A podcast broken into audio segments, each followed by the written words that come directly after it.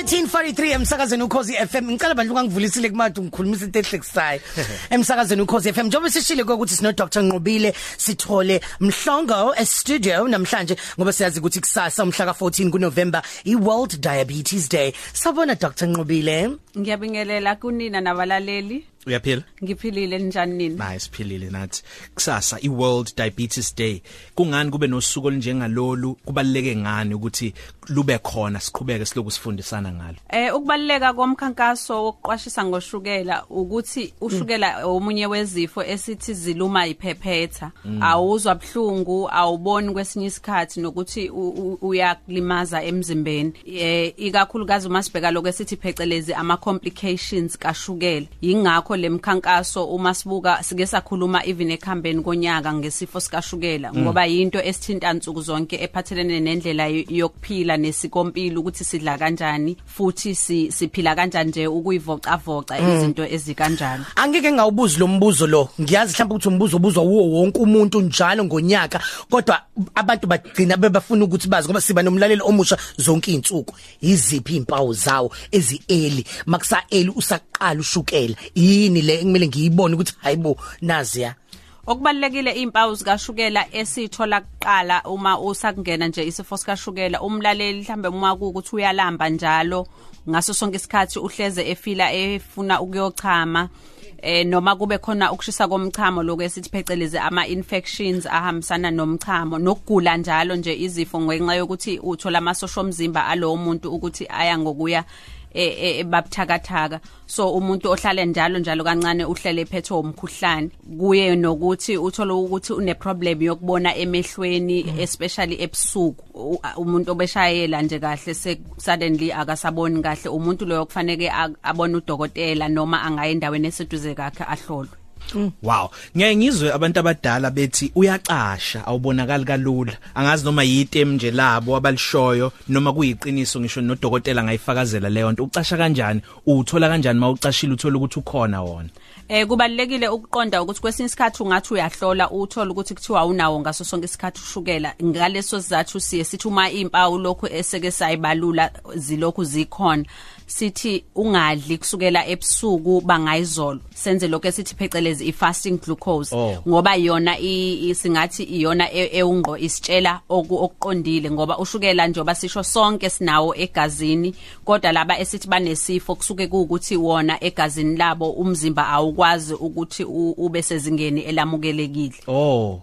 Mhlawumbe uqhubeka kumele ube sezingeni elingakanani vele ushukela uma kuukuthi hayi u right uma kuukuthi ke uphethwe isifo lesi kusuke ku kanjani kuwena ngaphakathi emzimbeni? Njengoba sichaza ukuthi yonke into esidlayo esithi phecelezi istash umzimba uyayigaya leyo nto uyenze ibe i-energy okushukela so lo muntu ohlolwayo nami nje ungangihlola ushukela wami ufanele ukube phakathi ka 3.5 kuya ku11 uma ngisanda ukudla vele uzoba phezulu belapha ko 89 uma mhlambe kade ngigcinile ukudla noma kade ngiphuza amanzi uzoba lapha ko 3.5 kuya ko 5 so into eyamukelekile leyo. Uma usungaphezulu kwalokho noma futhi ungathi mhlambe 11.1 uyabo ukuthi usengcupheni lapho ku thin line.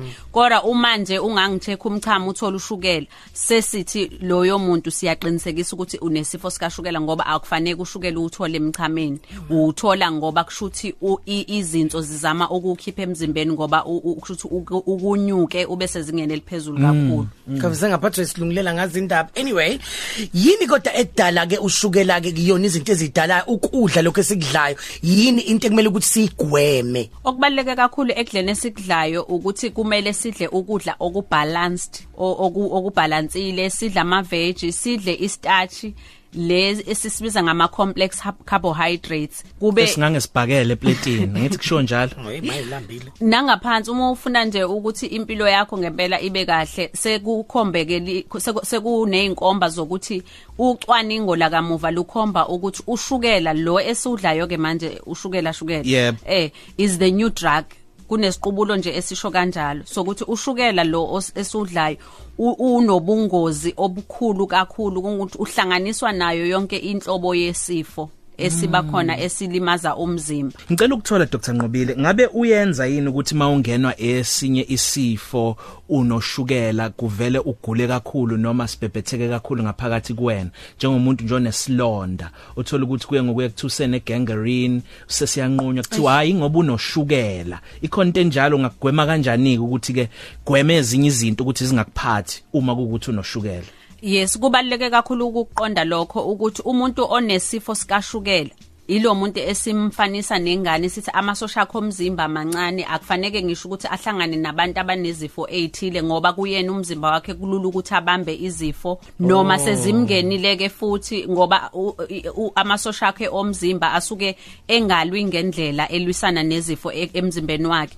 uthola ukuthi ene into nje mina engangigulisa u2 days o nje e- e- umzimba wami ukwazi ukulwa nayo umkhuhlane nje ojwayelekile. Yena sekuthiwa useadmithiwe uselele esibhedlela usese ICU ngenxa yokuthi amasosha akhe omzimba vele abuthakathaka ngenxa kashukela. So singasho ukuthi uyalapheka?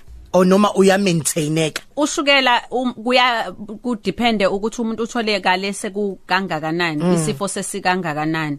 Umuntu nje ohamba yayohlolwa atholakala ukushukela wakhe senza isibonelo sithi uthi 13 njoba sithe sibheke isikala esiphezulu esiku 11 uyakwazi loyo muntu ukuthi sithi akashintshe indlela yokudla aqale azivocavoce sizombheka emva kwenyanga.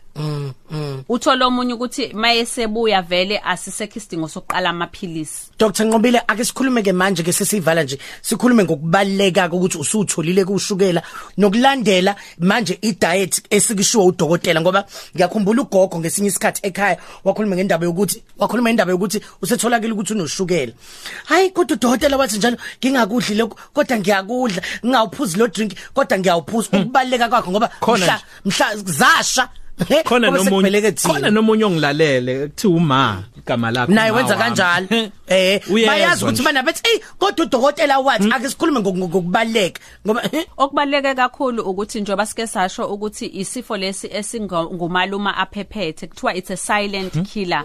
Ukuthi umuntu nami nje ngiye ngikubone emcimbini uthola umuntu ukuthi yena okufanele angakudla uyena odla ama desserts uyena o- o- ongale hhayi yey wena. Baze bakufihle baze bakufihle ukuthi Me- khona mese- uzohambe ba- bavele bangibhekeke mina athi hayi dokotela ngizoflasha ngamanzi Eh. ngizokwehlisa ngamanzi. Abe ne- ne- nephakethe la sweet sikhwameni bathi sibuyisa igazi Yebo. masebekudla Yes, ukuthi Eh. kubalekile ukuthi ushukela njoba sikhuluma ngobungozi bawo uyizifo ezingabhlungu kodwa ubhlungu obenzayo empilweni yomuntu ngoba uvela uqhamuke umlwenzi sekuthiwa usubolile lokade ukhuluma ngakho igangrene sekuthiwa le nyama le isiwupoison ngisho emzimbeni wakho ke manje ngoba ah, igazi alisahamba inhlobo kule nyama i- isiyonakele ikuwena. Kufanele ukuthi vele inqunywe isuswe. Uma inganqunywa ilokhu ikhuphukile njengoba uyubona omunye uthola ukuthi kuqale emnweni waya kadokotela. Udokotela wathi umunwe asususe wanqaba nomunwe wakhe.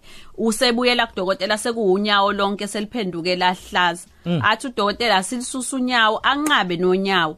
Abuyele sekunyukile sekuye kwashaya edolweni.